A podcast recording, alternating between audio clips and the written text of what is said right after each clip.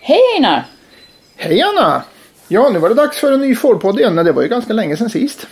Ja, det känns som det var länge sedan. Jag tror att eh, jag skulle släppa baggarna dagen efter sist vi pratade och det är ju några månader sedan nu. Ja, det var ju strax innan jul, men eh, det är ju fördelen med en sån här podd att man kan ju göra hur få eller hur många man vill. Eh, vad, vad pratar vi om den här gången? Ja, idag så har vi eh, flera olika inslag. Eh, jag har varit på fårfesten i Kil och eh, jag har ett litet hemma hos-reportage därifrån när vi får känna på miljön. Mycket kretsar runt fårfesten i Kil den här gången. Det gör det faktiskt. Ni ska få följa med dit. Och alla ni som var där kommer att känna igen er hoppas vi och ni som inte var där kommer att få höra en del om vad som hände. Ja, ni kommer undra varför var vi inte där? Och sen Jag var ju inte där och jag blev sugen när jag hörde ditt, dina reportage. Och sen ska vi prata om eh, lamadoptioner. I förra podden pratade vi om flasklamm och alla frågeställningar runt omkring där. Men det finns ju faktiskt en, ett alternativ och det är att, allt, att adoptera bort ett överblivet lamm till en annan tacka. Så jag och Titti har slagit våra kloka huvuden ihop och pratat lite grann runt detta. Kommer lite senare. Japp. Först tänkte vi ta några tillkännagivanden kan vi kalla det. Anslagstavlan kommer nu ja. Lite anslagstavlan först. Årets fårföretagare, det är ju ett pris som instiftades förra året som Fåravelsförbundet har utlyst för att eh, utse landets bästa fårföretagare varje år. Ja, någon duktig person som har gjort någonting som kan kanske tjäna som föredöme för andra fårägare. Ja, någon som är inspirerande eller går före på ett eller annat sätt. Hur hittar vi det här namnet då? Det är ju så att SFs lokalföreningar och rasföreningarna som är anslutna till SF har rätt att nominera varsin kandidat. Så som medlem i en lokalförening ska man alltså nominera sin favorit in till lokalföreningen. Vem är det som utser vinnaren sen bland de nominerade? SFs styrelse utser vinnaren från de som lokalföreningarna och rasföreningarna nominerar in. I fjol fick vi ju faktiskt jättemånga kvalificerade förslag eh, och det var ju faktiskt bara två som vann. För, eftersom vi instiftade ett extra extra pris då. Eh, så det Ja, det, var ju så svårt fortfarande... att, det var ju så svårt att välja så vi Ja, fick... precis. Vi, vi, vi, vi, det blev två vinnare i fjol. Men det finns ju många, många kvalificerade kvar. Så nominera in finns- så att vi får in i år också. Det finns många fler och man kan om man vill nominera någon som var med förra året och inte fick det. Det kan man det göra. är ingen som hindrar det för det var så många med där som man hade velat ge priset till. Så det tycker jag absolut man kan tänka sig att göra. Och blanda inte ihop det här med ett annat pris som heter SFs speciella pris. Eh, Fårhusförbundet har ju delat ut i alla år ett pris till en person som vi tycker har gjort något speciellt för lammnäringen. Eh, och det behöver ju inte bara vara fårbönder utan det priset har ju gått till många andra, till företag och och entreprenörer inom branschen och så vidare. Så det här är Årets fårföretagare är ett nytt och annat pris. Ja, det är medlemmarnas pris till sina kollegor kan man väl säga. Precis. Så gör det. Eh, Det är många lokalföreningar som ännu inte har haft sina möten. Väldigt få har nominerat. Det finns fortfarande tid men det börjar bli bråttom. När ska nomineringarna vara inne då? De ska vara inne den första april. Eh, Det här priset kommer ju att delas ut eh, under Fåravsförbundets stora stämma och lammriksdag i Mora. Det kan vi ju nämna några ord om också, eller hur? Just det. Den 11 och den 12 maj som är en lördag och en söndag så är, går årsstämman med lammriksdagen av stapeln i Mora i Dalarna. Och dit eh, tycker vi att så många som möjligt ska komma. Det kommer att bli mycket fårfolk, mycket party, mycket intressanta föredrag. Ja, det här bruk, brukar bli årets eh, höjdpunkt i Fårsverige, tycker jag i alla fall. Eh, På lördagen är det alltså Fåravsförbundets stämma och på söndagen så håller vi den så kallade lammriksdagen. Och det är ju en, en fårdag med extra allt kan man säga. Med en massa föredrag, intressanta föredrag och eh, massa utställare som i, i fårbranschen som man kan mingla med och göra affärer med och skapa kontakter med. Och överhuvudtaget tycker jag det absolut bästa är att träffa alla härliga fårmänniskor. Och det, lammriksdagen är väl egentligen det bästa sättet att vara, hålla sig uppdaterad om, om vad som händer. Det brukar vara där man får veta saker först. Absolut. När jag har varit på lammriksdagen så har jag hela nästa års upplaga av tidningen Fårskötsel klar i princip. För det är så mycket att skriva om efteråt. Åk dit och spana. I år kommer det vara extra fokus på förädling, alltså fårets alla ben. Vårat mångsidiga djurs olika förmågor och att smaka på. Glass och ost och korv. Och... Glass? Fårglass ja. Kan man göra det? Absolut. Det är ju det främsta skälet, tänker jag, att åka till stämman i år. Det är att det ska vara fårglass från Närke till efterrätt. Oh, man får smaka på den på riktigt alltså, vad häftigt. Ja. Jag, kom, jag ska ju lamma då, så att jag kommer inte kunna vara med. Och det, den här glassen, det, det grämer mig. Ja, vi får skicka en liten doggybag till dig helt enkelt. Ja tack, det skulle jag gärna vilja ha. Eh, mer information om stämman, om allt som händer och hur man anmäler sig finns på vår hemsida och kommer även i fårskötsel nummer två som utkommer den 22 mars. Det kommer Men information på hemsidan också. Vi skulle prata om lite jobbigare saker också. Om resistenta parasiter. Ja, vi hade ju ett, en podd i höstas som handlade om att skaffa får och då pratade vi väldigt mycket om hur bra fåret är. Och vi, det var inte speciellt mycket negativt vi kunde komma på om får. Det finns ju vissa saker man behöver ha koll på men det enda som vi kunde komma på som är riktigt dåligt med får det är ju parasiterna. Man, man behöver ha koll på parasiter när man ska ha får om det ska vara roligt. Om fåren ska må bra. Och stora magmasken är en av de parasiterna man är mest rädd för att få in för den kan vara väldigt besvärlig. Djuren kan bli väldigt sjuka, man får djur som inte mår bra. Mm. Tackorna mjölkar dåligt. De kan dö. De får blodbrist eftersom den här masken jobbar så att den sitter och suger blod i tarmen. Man behöver alltså ha en plan för hur man ska undvika att få in stora magmasken och man behöver ha en plan för att hålla sina beten så rena som möjligt. Men vi har ju avmaskning trots allt som man kan använda i den här planen. Det har vi haft yes. fram till nu. Men i stora delar av världen så har man jättemycket problem med resistenta parasiter som alltså inte dör av avmaskningarna. Och då är man ju i ett helt annat läge helt plötsligt. Ja, vi är ju lite bortskämda i Sverige. Eh, vi har ju många av de problemen som finns med djurhälsa på andra håll i världen har ju inte vi i Sverige eftersom vi alltid har varit ganska noga med att hålla våra djur smittfria. Men just eh, parasiter som är resistenta mot avmaskningsmedel är ett jätteproblem både i Storbritannien och i Australien och Nya Zeeland, de stora fårländerna. Och det kostar oerhört mycket pengar och det kostar djurlidande och det är verkligen någonting som vi inte vill ha i Sverige. Men nu har vi fått lite oroväckande signaler, eller hur? Ja, det, man upptäckte resistenta parasiter 2015 eh, på en gård och eh, kontaktbesättningar till den gården undersöktes och man hittade väl några besättningar till men nu har det visat sig att parasiterna har spritt sig. Det, det finns, man upptäcker resistenta parasiter på upp till 10 gårdar i Sverige per år. Och det är ganska mycket. Mm, För när det här väl kommer igång så sprider det sig som en löpeld. Och man sprider det i huvudsak med levande djur, eller hur? När man köper, köper in djur till sin besättning. Och från början så har väl det här kommit in när man har importerat levande djur, eller hur?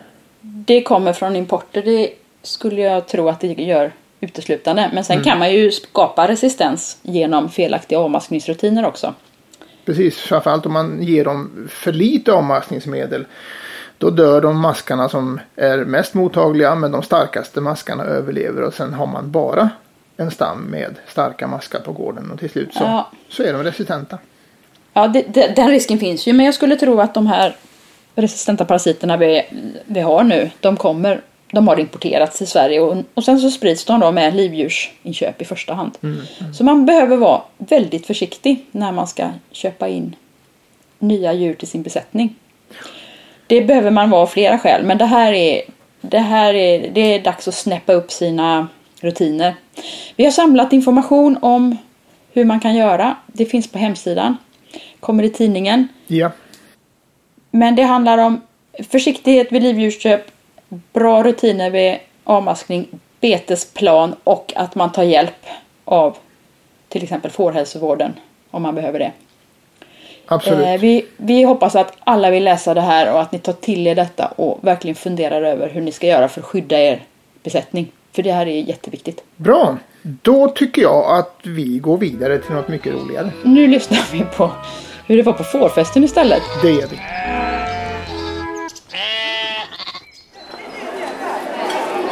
Idag har Fårpodden gett sig ut på resa och vi har hamnat i Värmland. Rättare sagt på fårfesten i Kil. Fårfesten i Kil har utvecklats till eh, Sveriges eh, största fårevent skulle jag vilja påstå i alla fall. Den började för drygt tio år sedan. Ett antal hantverksintresserade damer här i Kil beslöt sig för att anordna en liten hantverksutställning i stan. Och med åren så har den här utställningen vuxit och vuxit. Och idag så ockuperar man faktiskt en hel skola. Det är Sandrudsskolan i Kil eh, och när skolbarnen har sportlov då invaderas den här skolan av tusentals fårintresserade människor och hantverkare. Eh, I fjol så hade utställningen över 9000 besökare och med tanke på hur trångt det var redan direkt efter insläppet på fredag morgon så är det inte färre besökare i år. Från början så var det som sagt var en eh, hantverksutställning men eh, det har också utvecklat sig.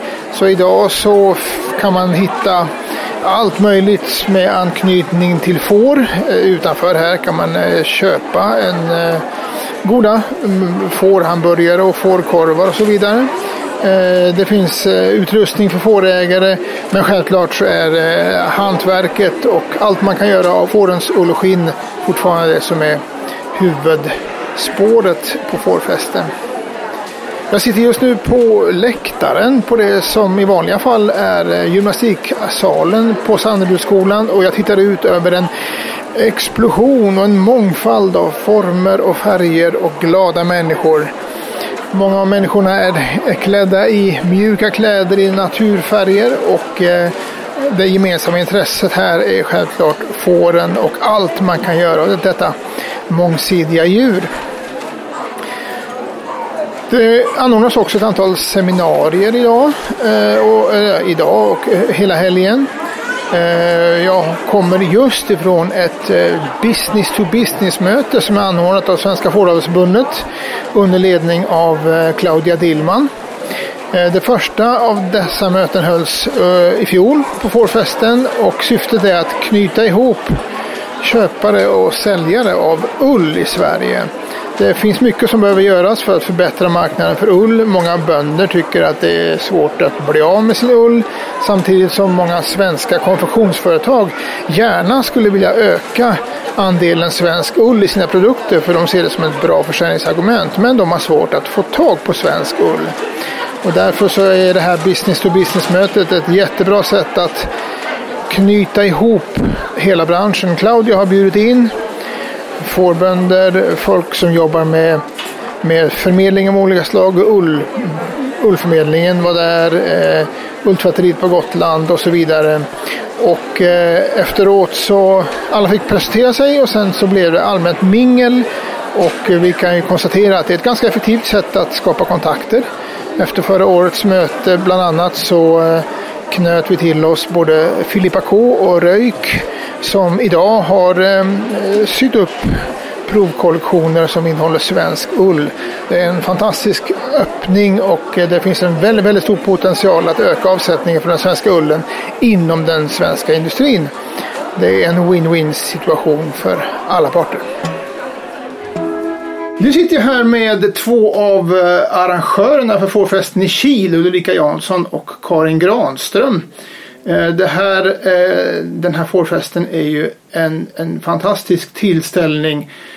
Men jag funderar lite grann på hur började det här egentligen? Ja, vi började ju 2006 och det var Marianne Andersson som driver företaget Ull i Bruk här i Kil. Vi hade haft mycket kurser med ull och, och, och tovning och visste inte riktigt hur vi skulle fortsätta. Och, och det var tillsammans med Gunilla Patå Sjöberg som ju är väldigt duktig på att tova. Och det var nog Gunilla som sa men vi kan väl ställa till med en riktig fårfest för nu när de inte riktigt visste vad de skulle fortsätta med att göra. Mm. Och så blev det. Så Marianne tog initiativ att starta fårfesten och så ringde hon till lite kompisar. Eh, däribland, däribland du? Ja, ja, bland annat mig. Så jag har varit med på alla fårfester. Och vad, vad var idén med den här fårfesten då? Men tanken var ju att dels att kunna att samla ull, att ha en bytesmarknad med liksom ull, råull då, men också liksom förädlat. Att, att det var viktigt, jag tänker att Marianne också var ett viktigt liksom, tanke att, att inte slösa vår ull som vi fortfarande gör för mycket, mm. gräver ner och, utan att det finns, det finns mycket potential. Eller hur? Jo, hon var ju hantverkare själv Marianne och tyckte det var svårt. Det var inte så lätt att få tag i ull alltid. Och, och samtidigt slängdes det massor. Ja. Så att det var för marknadsplats och liksom inspirera till att använda mer ull. Mm. Men sen har den här festen vuxit och vuxit för varje år. Hur, hur kommer det sig att det har blivit en sån succé? Det är lite svårt att svara på varför det har blivit succé. Utan vi tror ju, eller hur? Att mm. vi har varit noga med att följa upp varje fårfest. Försökt förbättra, göra annorlunda om det vi kan. Mm. Sen är, vi som jobbar med fårfesten har, har nog nätverk åt olika håll. Så att, mm. det, det gör ju att vi har många olika armar ut liksom som vi har fångat in. Ja, fåren sägs ju ha många ben mm, ja. och det märks ju verkligen på den här fårfesten. Alla, allt som har med får att göra finns ju här, eller hur? Ja. Ja, det är ju så roligt för det blir ju nya ben hela tiden. I år har vi ju islänningarna här. Jag vet inte om du har varit vid deras monter. De använder alltså benen på fåret och gör smycken och det är ju ett helt nytt ben som inte vi hade riktigt tänkt på från början när vi pratade. Så det är inga fyra ben längre. utan det är, ganska, fårens ben, så ja, det, det är ganska många ben. ja. Och sen har vi såklart haft god hjälp av att, att våra utställare har varit nöjda och spritt pratat om det. Eller hur? Att det också liksom har varit ja. positivt för det mesta. och då har, det varit, då har det varit god hjälp för oss också. Ja, vi är ju fantastiska utställare och, och så är vi ju ett fantastiskt team. Ja, jag skulle säga ni som jobbar här, ni, det är jättemånga människor som jobbar ideellt med fårfesten, eller hur? Absolut. Hur många är ni? Ja, men om vi tänker att vi i föreningen har ungefär 100 personer igång under helgen. Sen ja. har ju vi våran tur hjälp av andra eh, föreningar. Det är nog hundra varje dag tänker jag va? Som byts. Ja, jag ja. tordes inte säga det för jag visste inte. Men det här måste ju vara en, en stor viktig sak för Kils kommun kan jag tänka mig. För det, ni engagerar väl mer eller mindre hela stan känns det som. Ja, nu, och nu har ju handlarna och nu kan du till och med tvätta bilen till fårfestpris i Kil den här veckan. Så att nu har ju handlarna verkligen nappat också. Men vi har ju ett tätt samarbete med kommunen mm. hela under förberedelserna också. Ja. Eller hur? Att det är liksom gatuavdelningen och allt som har med liksom byggnaderna här att göra. Ja, det så. känns verkligen ja. som att ni engagerar hela stan. Ja. Eh, ett av alltså, eran, eran symbol för den här fårfesten det är ju det här härliga tussriset mm. eh, som ni har eh, som syns, ja inte minst över hela Kil den här helgen. Men eh, det här tussriset har ju också blivit en succé långt utanför Kil, eller hur? Ja, och vi blir ju nerringda av folk som vill köpa tussris av oss. Eller, eller ulltussar vill ha skickat till sig men det, det kan inte vi göra. Nej, men eh, det har ju även blivit eh, vi kommer ju snart fram till påsken och det har ju startat en, en rörelse kan man säga där man ersätter det traditionella påskriset som är gjort av fågelfjädrar med, med tussris istället. Som ett mer, vad ska jag säga, miljövänligt alternativ. Absolut. Mm. Och ett svenskt alternativ. Det är det som är liksom det utmärkta också. Mm. Och det kommer från allra första start så var det en förskola uppe i Nilsby norr om Kila. En liten landsbygdsskola som kom på det här. Vi färgar ull och sätter upp till, till påskris. Som och så, vi tog över idén eller? Ja hon var ju med också. Ja, ja. Hon, som, hon som jobbar som förskollärare där var ju med i föreningen och aktiv. Så det var så naturligt. Ja, men det, det och så är det ett jättebra sätt att använda texelullen som kanske inte kan användas till så många andra saker. Ja. Så kan man ju göra tussris av det. Ja, Vilken precis. grej! Och det tog faktiskt några år innan vi kom på vilken ull som var bäst. Ja. För i början hade vi alla möjliga men nu det här fluffiga... Det blir en förädling kan man säga. Ja, förädling av ullen. Ja. ja, nu vill vi helst ha så ren, så ren texel som möjligt för det är den fluffigaste liksom. Ja, precis. Passar bäst till det här. Ja. Förra året när allt funkade som vi hade tänkt då dammsög vi ju hela Mellansverige på texelull. Jag vet inte hur många kilo vi köper in. Men många kilo är det. Mm. mm. Vilken grej. Ja, eh, det här är, var det trettonde gången ni arrangerar fårfesten idag. Mm. Men eh, det är långt från sista gången, eller hur? Det hoppas vi. Ja. alltså, vi, har, vi, har ju så, vi har ju lite så funderingar nu hur, 17, hur, hur vi ska göra för det, det är ju det att det växer så väldigt. Varje dag vi har öppet så blir det, det blir liksom mer folk varje gång. Ja. Ja, så det, och, och nu har vi ju märkt idag att norrmännen har ju börjat vakna. Islänningarna var här två förra året. I, I år är de åtta och nästa år, nästa år ska de komma med en buss säger de. Och det är liksom så det blir hela tiden. Så att eh, vi har väl lite sådär, jaha hur ska vi, vad ska vi ta till för hus mer nu i Kil? För att, ja, ni har fyllt ut hela skolan, åtminstone första våningen i skolan. ja, mm. Ja, spännande framtidsutsikter känns det som i alla fall. Ja. Jag, jag får säga ett stort grattis och tack för ert fantastiska er fantastiska insats med alla ideella krafter tack. för att skapa den här fantastiska festen. tack så mycket. Som besökare på fårfesten i Kil så är en av höjdpunkterna tycker jag den så kallade fåreställningen. Det är en, ja vad ska man kalla det för, mordshow men det är ju så mycket mer. Eh, En hel del av de plaggen och tillbehören som visas upp på fårfesten sätts ihop till en fantastisk liten föreställning eh, som eh, man absolut inte får missa när man kommer till Kilo fårfesten. Och jag sitter nu med upphovsmannen bakom den här föreställningen, Täpp-Lars från Dalarna. Eh, vi försökte innan den här intervjun klura ut lite grann vad Pe- Täpp-Lars var för någonting men vi kom fram till att kulturentreprenör var en bra sammanfattning på vad vi sysslar med. Eh, berätta lite grann om den här föreställningen. Vad är det för någonting som alla som inte är där har missat? Den här föreställningen eh, det är en modeshow i form av en nummerrevy. Och vi har valt ut eh, kläder från producenterna. Det är ju så här att för att kunna få komma in här på eh, fårfesten så får man ju ansöka. Det är ju så många utställare som vill komma hit så att eh, man försöker ha lite rotation så att det ska bli spännande för besökarna. Och i eh, november ungefär då brukar det vara färdigt vem som eh, kan komma hit som utställare. Och då får jag en lista där jag får reda på vilka som har kläder eh, som vi kan visa upp på den här modeshowen. Sen får jag ringa runt till de producenterna och eh, vi väljer ut då några av producenterna så vi försöker få eh, så stor spridning som möjligt eh, i den här showen.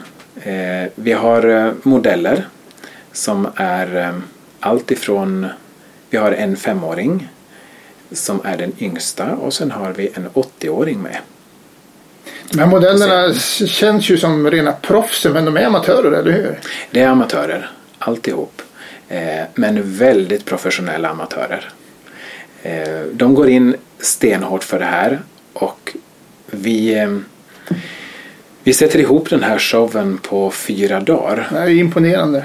Och, eh, men då är det ju så här att under de här dagarna så går ju vi in i en bubbla. In i en fårfestbubbla. Och vi har ju en fantastisk service här. Eh, med eh, folk som hjälper oss med allting runt omkring. Vi har två personer, Gudrun och Ingrid, som tar emot alla kläder från leverantörerna och ser till så att kläderna kommer hit till skolan. Vi har eh, tjejerna eh, på Marias Café som servar oss så att vi har blodsockret på topp. eh, så att vi, får, vi är så bortskämda. Vi är så oerhört bortskämda. Och sen har vi Ronny som sätter ljus. Som smyger omkring där under de här fyra dagarna. Och sen när vi ska köra eh, showen och ha föreställning så fungerar allt perfekt. Alltså man kan ju inte tro som en publik att allting skapas på fyra dagar. Det är ju unikt bara det måste jag säga. Ja, men det fungerar i och med att eh, vi har ju framförallt Caroline Värme som är med. Och eh, hon spelar och sjunger. Hon spelar flygel. Hon sjunger fantastiskt och hon har en repertoar som är otroligt bred.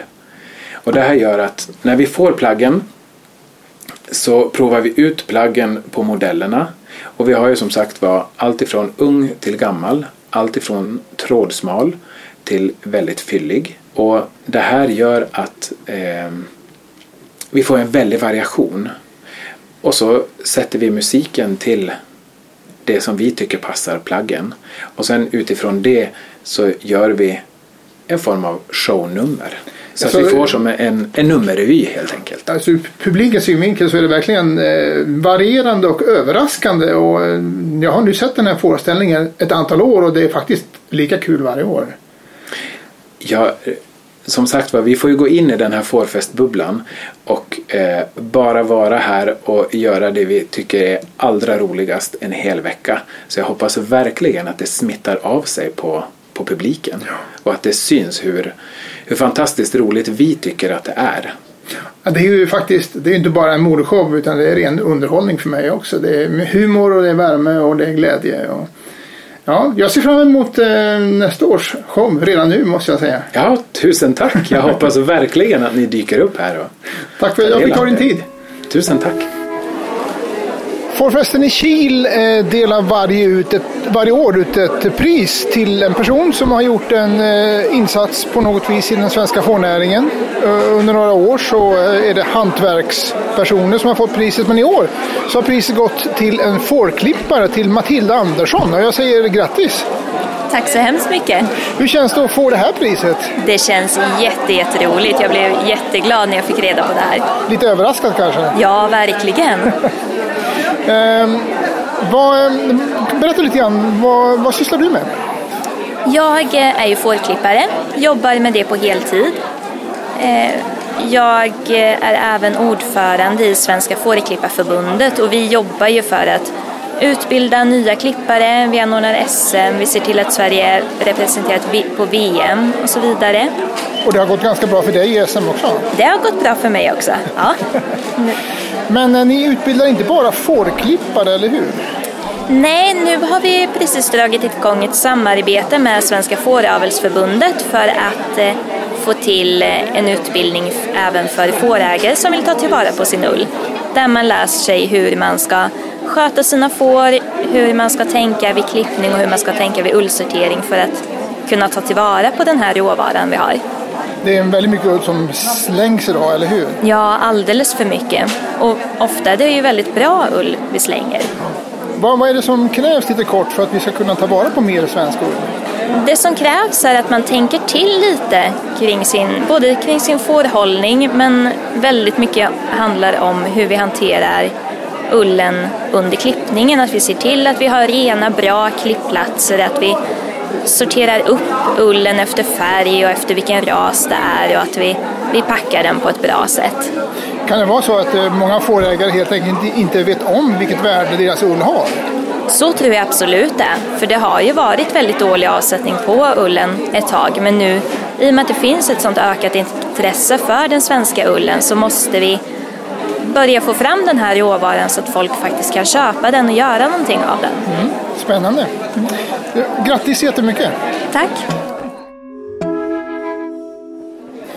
Nu står jag mitt i entréhallen på Fårfesten i Kil och eh, har träffat riktiga Sola i Karlstad här. Fåravelsförbundets eh, förbundssekreterare Britta Wendelius, hej! Hejsan hejsan! Ja, du står här i Fåravelsförbundets monter. Vad, vad gör Fåravelsförbundet på Kil? Ja, men det är ju så här att fårfesten i Kil är ju faktiskt en otroligt stor får och ull och hantverks och alla som är intresserade av fårets alla olika delar. En plats att mötas på. Och då borde ju Fåravelsförbundet vara där såklart. Ja. Och, och här träffar jag både intresserade hantverkare som eh, undrar om fåren och hur vi håller fåren och vad vi gör och hur vi så att säga, förbereder produkten som de sen använder när de gör sitt hantverk. Ja. Men jag träffar ju också fårägare.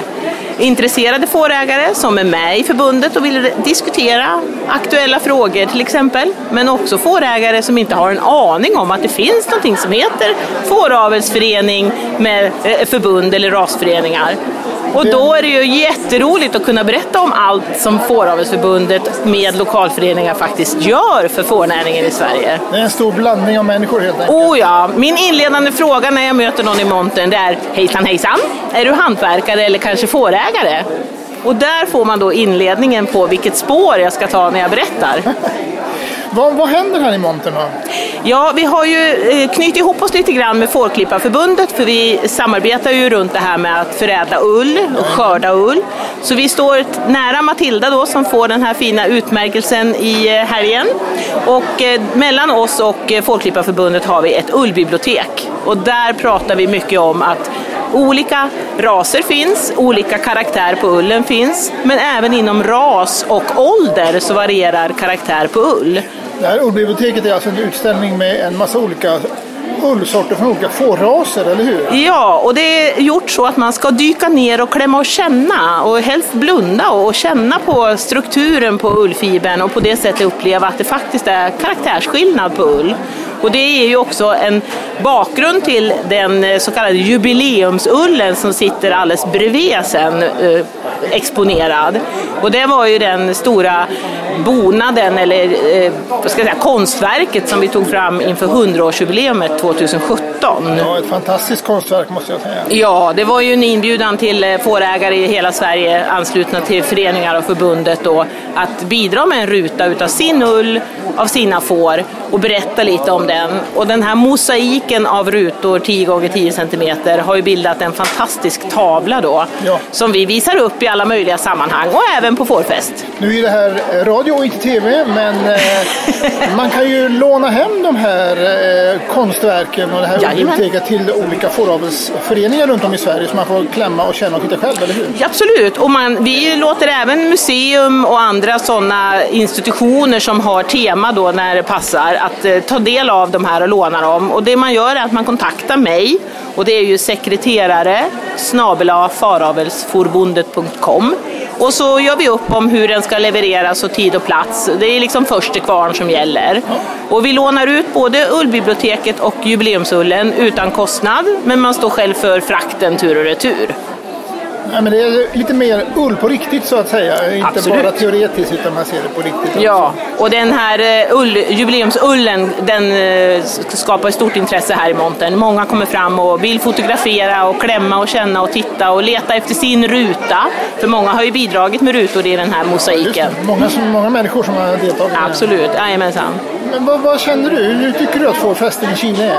Alltså det är ju bland det roligaste man kan åka på om man är får och eh, alltså fårintresserad skulle jag vilja säga, punkt. För att man behöver inte vara hantverkare. Man kan ju bara gilla får så gillar man att vara här. Fårens alla produkter, eller hur? Ja. Jag just satt i mig en jättegod lammhamburgare här utanför för man kan köpa en massa god mat här. Ja, precis. God mat och vackra ting och glada människor. Det skulle jag vilja eh, säga summera de här helgen i Kil faktiskt. Det tycker jag var en bra avslutning på den här intervjun. Ja, vad bra.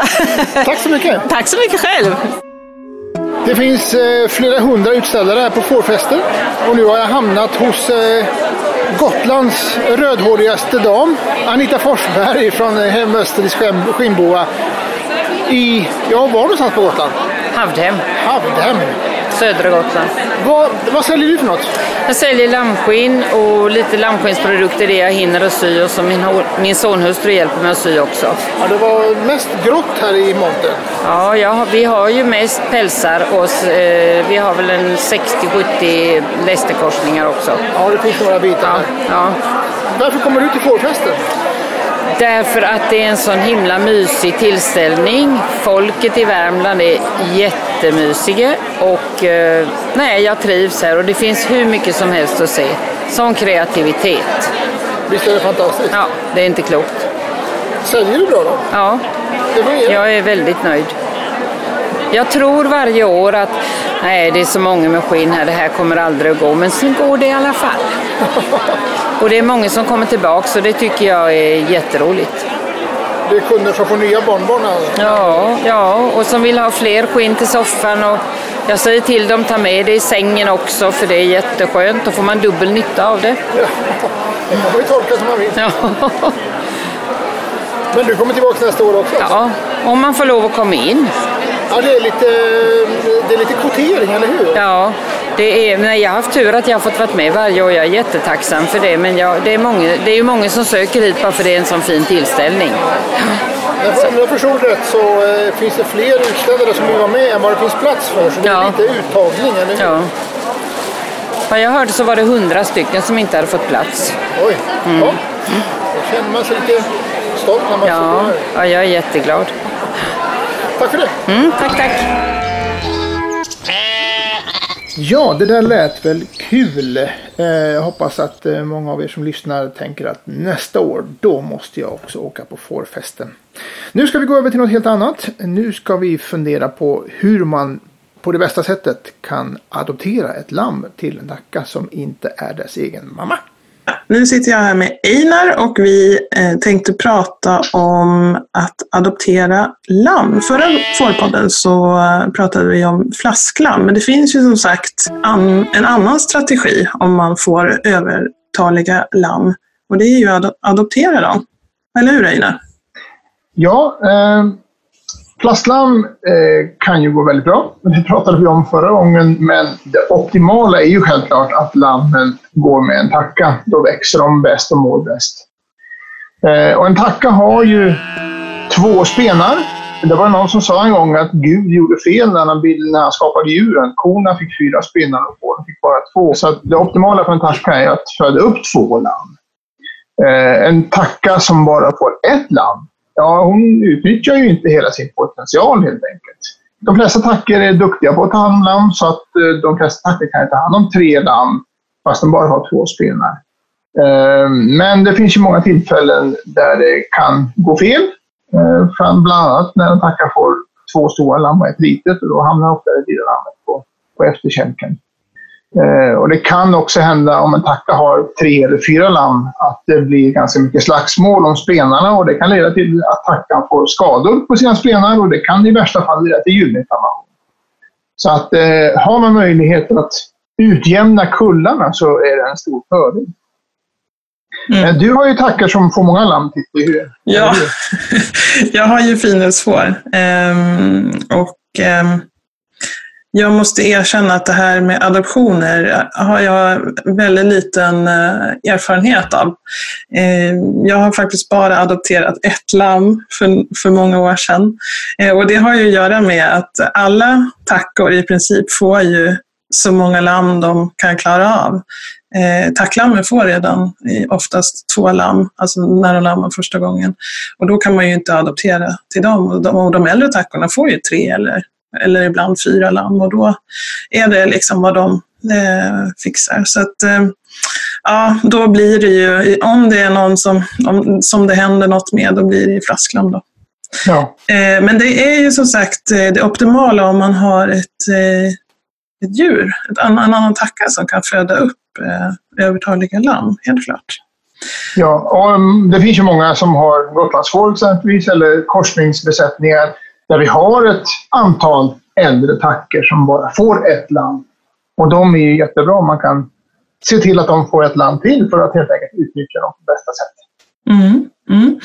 Eh, och en bra eh, förberedelse eh, när man eh, använder sig av adoptionen, det är ju att man dräktighetsskannar tackorna.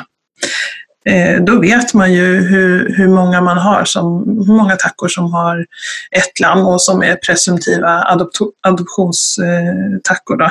Och sen också de som har fyra och kanske tre lamm då, som man eh, eh, kanske behöver adoptera ifrån. Då. Ja, det är, skanningen är ju ett suveränt hjälpmedel i det här fallet. Eh, då samlar man ju alla tackor som bär på ett foster i en egen liten grupp. Och de kan man ju då sätta där man har absolut bäst uppsikt över dem i fårhuset. Typ precis där man kommer in eller bredvid vattenkranen eller någonting sånt. För att de ska man ju ha extra koll på när de precis börjar lamma. Mm. Kan inte du berätta Einar hur du gör när du eh, adopterar lamm? Ja, det kan jag göra. Eh, Och det finns ju självklart olika system som olika fårägare använder. Men grundregeln i alla lammadoptioner det är att alla lyckade adoptioner görs innan tackan har fått sitt eget lamm.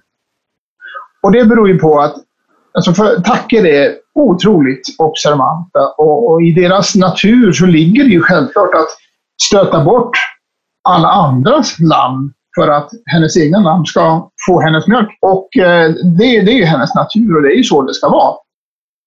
Men precis när hon ska lamma, då är hon full med mammahormoner som ska se till att hon tar hand om sitt lamm på bästa möjliga sätt. Och de hormonerna kan vi utnyttja genom att försöka adoptera ett lamm till henne. Men då handlar det om att vi måste få tackan att förstå att det här adoptionslammet är hennes eget. Och det är det som är själva grejen med adoptera namn. Mm. Så eh, vad det handlar om det är att när tackan, den här tackan som bara väntar ett lamm då, när hon börjar lamma, då får man vara med. När man ser att eh, vattnet har gått och att hon börjar bädda, då får man boxa henne i en egen box, inte alltför stor så hon kan springa omkring, utan man måste ha kontroll på henne där.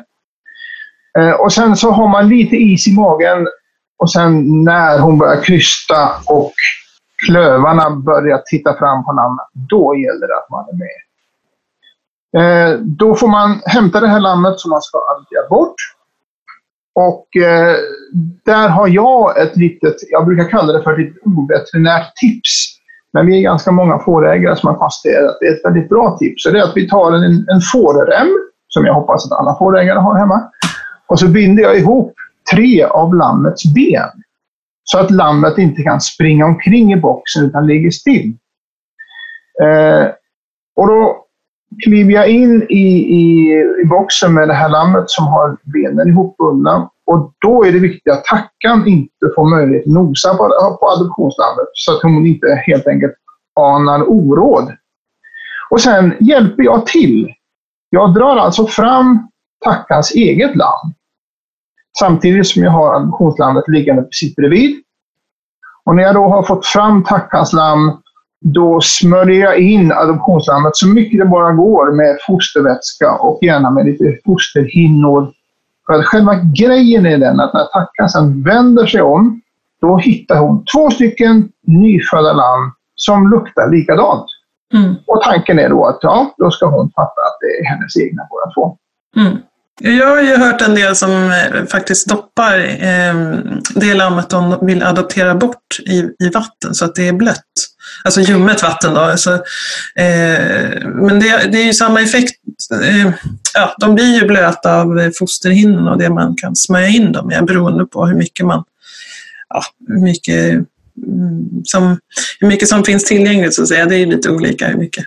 Jo, men det, det, det, kan säkert vara ett jättebra tips. För att eh, som sagt det gäller att få det här adoptionslammet att se ut som ett precis nyfött lamm. Och nyfött lamm är ju helt blött.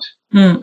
Eh, och eh, fostervattnet som eh, blir över när ett lamm kommer fram räcker kanske inte alltid till för att smörja in hela adoptionslammet. Men det viktigaste är att få, få huvudet och ryggen och runt, området runt svansen blött av fostervatten. För det är ofta där som tackan nosar mycket på sitt lamm. Ja, det är viktigt att få lukta. Det är det de går på Precis. mycket. Eh, och sen brukar jag göra så att jag brukar låta tackan nosa på båda lammen. Och sen brukar jag ta bort tackans eget lamm och lägga den lite bort.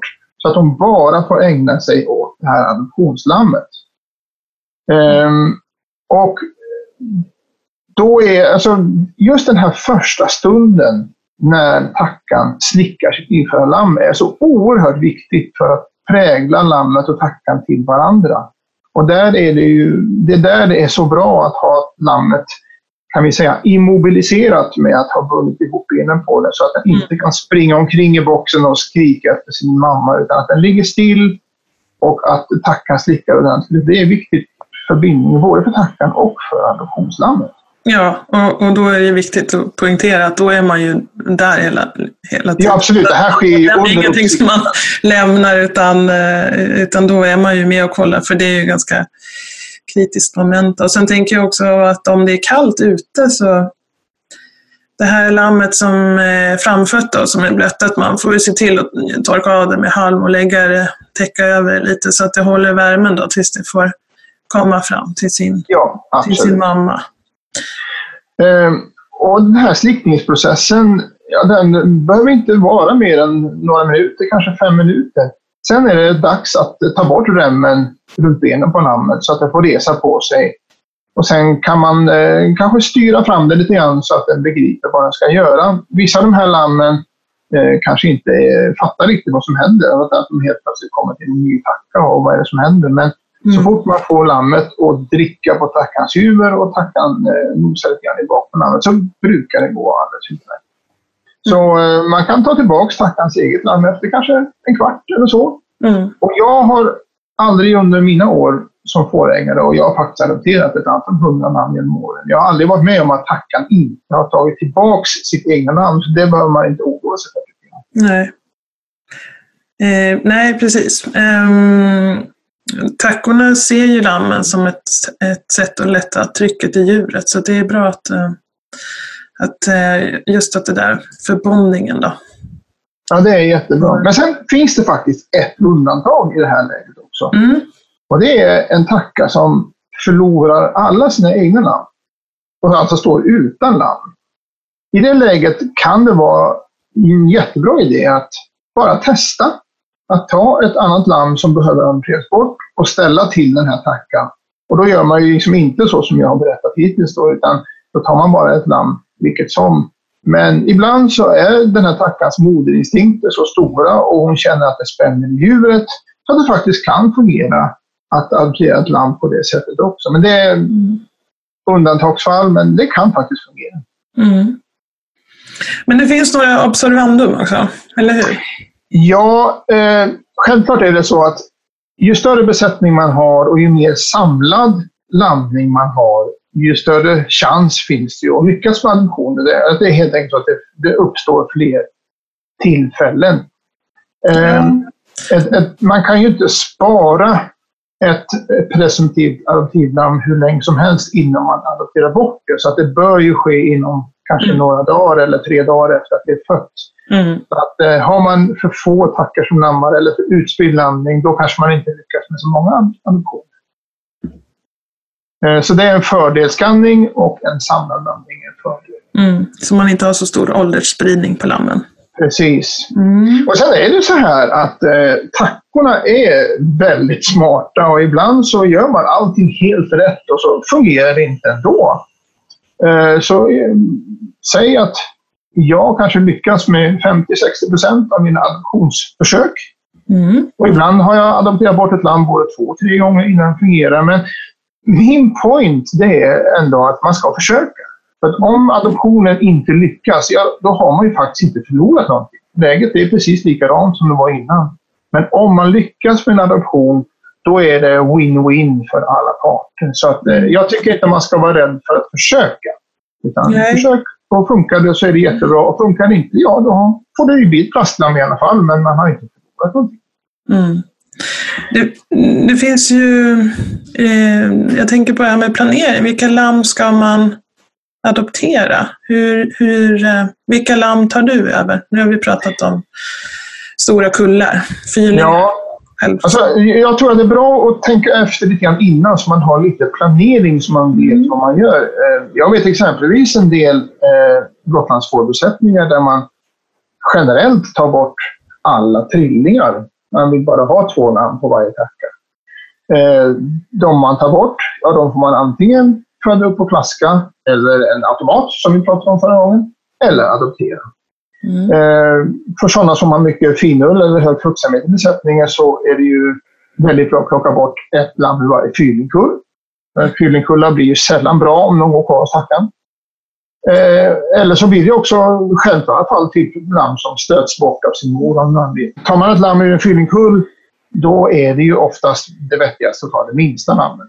Mm. Eh, för att den blir lätt utkonkurrerad när den går med tre syskon. Får jag bara flika in där? Jag tänker att det är också bra att de får, de får ändå gå kvar eh, med sin eh, biologiska mamma eh, under det första dygnet åtminstone när de har råmjölken. Då. Ja, absolut. Eh, så Eh, om allting funkar som det ska med, så att Ja. inte tackan är, liksom, eh, försöker stånga bort dem såklart. Men, men eh, det, det är ju en sån där bra, om det funkar. Ja, om man systematiserar adoptioner då bör, kommer man i ett läge där man behöver lagra lammen i väntan på att rätt tacka ska lamma. Så man kan adoptera bort. Eh, och det bästa är ju självklart att låta lammet bo kvar hos sin biologiska mor så länge det går. Men om det inte går, om tackan exempelvis är dum mot lammet, ja då får, kanske man kan ha en liten barnkammare där man eh, har lammen under tiden. Jag för min del så föredrar jag att mata de här lammen med lammsond under några dagar. Eh, för att eh, om man har matat lammet med flaska så är det ju lättare hänt att lammet blir mer eh, präglat till människan. Då kan adoptionen kanske bli lite svårare ur lammets synvinkel. Men man får lagra det här lammet i väntan på adoption och om det inte är någon tacka som, lämplig tacka som råkar lamma, ja då får det bli ett fastlamm helt enkelt. Mm. Men jag tror det är bra om man, man tänker till lite grann innan. Och eh, framförallt så tycker jag att alla ska försöka. För att även om man inte lyckas så eh, har man inte förlorat någonting. Nej. Eh, och jag eh, vill ju skicka med det här att ge alla tackor att, en chans att vara så bra eh, mödrar som möjligt. Och det handlar mycket om att näringsförsörja tackan rätt. Att hon är, är, är i ett optimalt hull vid förlossning och eh, att hon har blivit eh, korrekt näringsförsörjd under högdräktighet och mm, sen under eh, det som kommer att bli drivningsperioden då, så att hon är, eh, kan, ja, då är hon ju mer benägen att ta sig an lamm. Även Mm, Man kan säga att en, en tacka som mår bra blir en bättre mamma. Ja, eh, modersegenskaperna påverkas faktiskt av, av det. Så att, Ja. eh, till viss del. Så det Eh, också en, ett, en hjälp på vägen. Så då hoppas vi att alla fårägare har fått sig en liten tankeställare och att alla försöker, om det går, att adoptera. Faktum är att även om man inte har skannat sina får så tycker jag att man kan försöka också. Eh, om det nu visar sig att den här tackan som man har adopterat ett lamm till får två lamm själv, eller tre, ja då får man ta bort adoptivlammet igen. Man har ju faktiskt inte förlorat någonting ändå. Mm. Jag, jag säger bara lycka till och så hoppas vi att vi får några fler lamm att överleva med Ja. att folk börjar adoptera. Ja, lycka till! Tack för idag! Tack! Ja Einar, nu har vi, är vi färdiga för att runda av för idag. Mm, och vi brukar ju titta lite grann på hur det ser ut hemma hos oss själva. För vi, så ser det säkert ut hos många andra också. Hur, eh, hur är det på din gård just nu då? Ja, idag snöar det faktiskt efter att ha varit någon sorts vår ett tag. Ja, Vår i februari har vi haft. Men idag är det inte. tung snö som hänger på träden. I fårhuset är det ju lugnt eftersom jag inte ska lamma förrän första april. Nej, första maj. Så jag ska gruppera tackorna idag tänker jag. Jag har ju några som inte har blivit betäckta. Jag ska gruppera upp dem idag och smyga igång med lite mer foder för de har ju inte fått haft den fetaste vintern i år. Och sen ska de klippas och sen eh, är jag ganska glad över att det är ett bra tag kvar tills lamningen börjar. För jag är inte alls sugen än. Det brukar aldrig vara så här års. Nej, det brukar faktiskt inte jag vara heller. Nej, sen när det väl kommer igång så skärper man sig och går upp på morgonen och, Ja, då är det full fart. och tycker att det är roligt. Ja, Men jag är glad att det inte är dags än. Vi har haft en jättejobbig vinter kan jag säga.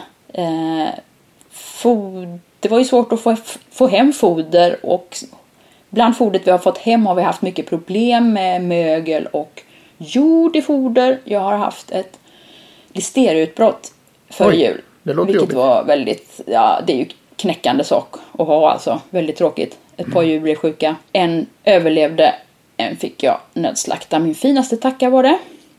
Som vanligt. När sånt Mm. Typiskt. händer. Och sen efter det, det värsta med när man har haft det här är ju att man nojar. Man nojar med ensilaget så att eh, jag har ägnat en stor del av vintern åt att ragga foder. Köpa balar på lite olika håll och testa. Och jag har fått jättemycket hjälp av grannarna. De har alla varit hjälpsamma. Just nu fodrar jag med hö som kanske inte är det mest näringsrika men fåren äter det. Och det ger mig lite lugn också. Så just nu känns det bra men det har varit en jobbig vinter. Yes.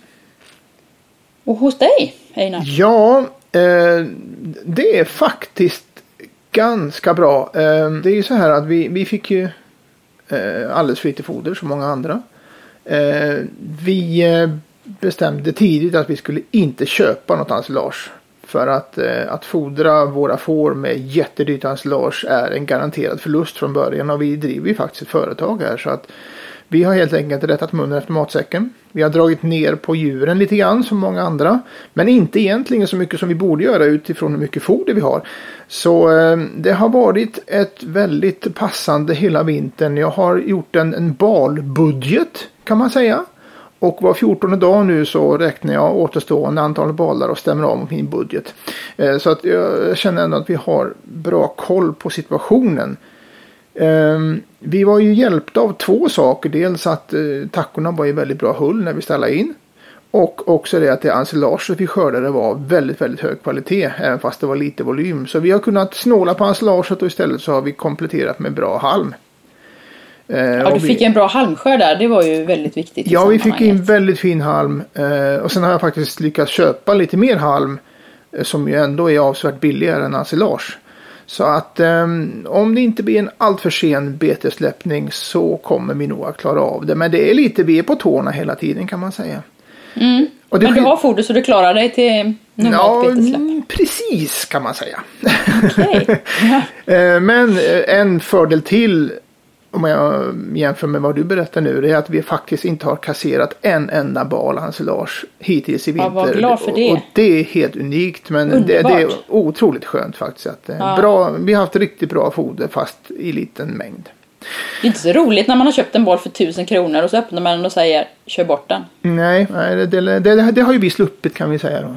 Mm. Sen berättade jag också i sista podden här innan jul att vi hade en, en grupp med tackor som vi inte betäckte för att vi inte visste om fodret skulle räcka. Men jag det. funderade på att släppa bagge till dem efter nyår för en sommarlandning. Och då kan jag säga så här att det har vi faktiskt gjort. Okej, att, eh, hur många först- tackor var det? Först januari så släppte vi eh, två textilbaggar till 35 tackor.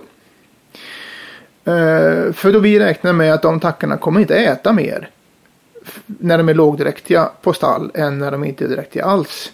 Och sen kommer vi då att lamma eh, i juni istället vilket är en, en, blir en nyhet för oss. Det blir lite spännande. Det blir spännande. Ja. Jag kan väl säga att det kommer en artikel om detta i nästa nummer av Fårskötsel. Rent tillfälligt då att hur man förbereder tackorna för en sommarlandning. Om man inte är van vid det tidigare. men vad bra. Ja men så kan det bli när man är både fårägare och tidningsredaktör samtidigt. Ja, men, det, men det är inte fel att pröva något nytt ibland. Nej, det är det som är men, fördelen när det eh, händer sånt här. Det innebär samtidigt att det blir en extremt lång lamningsperiod för oss. För våra första tackor har faktiskt redan börjat lamma nu och nu kommer det lamma egentligen konstant fram till midsommar. Så att eh, vi kommer nog vara lite trötta på lamning när vi kommer fram till midsommar. Du vet vad du ska göra de närmsta månaderna. Absolut. Men eh, i alla fall det känns som det är lite grann på gång. Ja, Även hos oss. ja. Vi, vi undrar ju väldigt mycket över hur sommaren kommer bli också nu. För nu börjar, börjar det ju pratas om att det kanske blir torrt igen. Men det är ingen som vet det. Nej, det är ju faktiskt den stora skräcken bland alla kollegor. Tänk om det blir en likadan sommar till. Vi går ju in i den här, i den här säsongen med noll i lager. Det finns Ja. inga marginaler någonstans. Och blir det en likadan Ja. sommar till då blir det besvärligt. Men Man vågar inte tänka på det riktigt. Hur det blir. Men- jag tror inte att det kommer bli så. Jag tror att det Nej, kommer bli en bra sommar. Det, det får vi inte tro. Då eh, var vi färdiga för idag. Vi tackar för att ni har lyssnat idag. Och säger välkomna tillbaks till nästa fotboll. Ja, vi hörs snart. Det gör vi. Hej då! Hej då!